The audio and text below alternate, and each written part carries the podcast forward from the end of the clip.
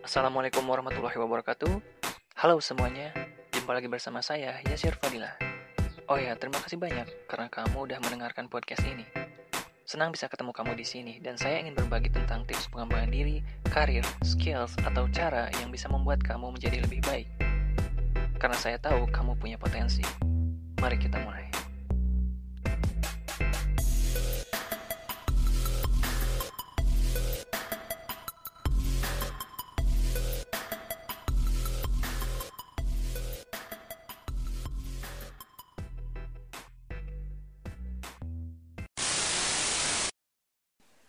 Biasanya saya habiskan waktu duduk berjam-jam buat kerja atau ngerjain konten.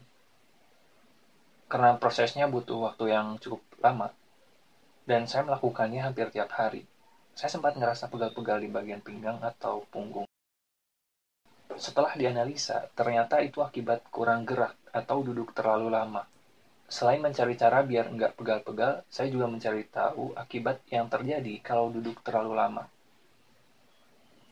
Ada beberapa akibat umum yang sering terjadi. Saya coba melansirnya dari situs alodokter.com.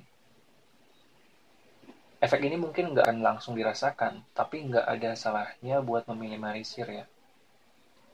Ternyata beberapa keluhan yang saya rasakan masuk ke daftar ini. Ini adalah beberapa akibat yang bakal dirasakan kalau duduk terlalu lama. Yang pertama, nyeri otot dan atrofi otot. Yang kedua, sakit pinggang. Yang ketiga, perut buncit, yang keempat deep vein thrombosis, yang kelima osteoporosis, yang keenam diabetes dan penyakit kardiovaskular, yang ketujuh kanker. Efek yang diakibatkan dari duduk terlalu lama lumayan banyak juga ya. Untuk awal-awal mungkin cuma ngerasa nyeri otot dan sakit pinggang. Tapi kalau udah kelamaan mungkin akan mengalami beberapa penyakit yang lain juga. Tapi mudah-mudahan kita nggak sampai kayak gitu ya. Jadi ada baiknya kita mengurangi waktu duduk kita. Sebagai solusinya, saya pun mengurangi waktu duduk saya. Yang tadinya saya duduk buat kerja sekitar 4-6 jam, sekarang menjadi sekitar 2-3 jam, dengan diselingi istirahat buat bergerak ke ruangan lain. Saya juga memangkas aktivitas-aktivitas yang sekiranya kurang berkaitan dengan pekerjaan yang sedang dikerjakan dengan menguranginya, sekarang saya jadi nggak suka ngerasa pegal-pegal yang parah lagi. Ya, paling masih ada sedikit. Tapi seenggaknya udah lebih berkurang lah ya. Sekarang saya malah mencoba standing desk. Saya mencoba ngerjain sambil berdiri. Saya coba ngetik sambil berdiri. Ini memang terbilang baru buat saya.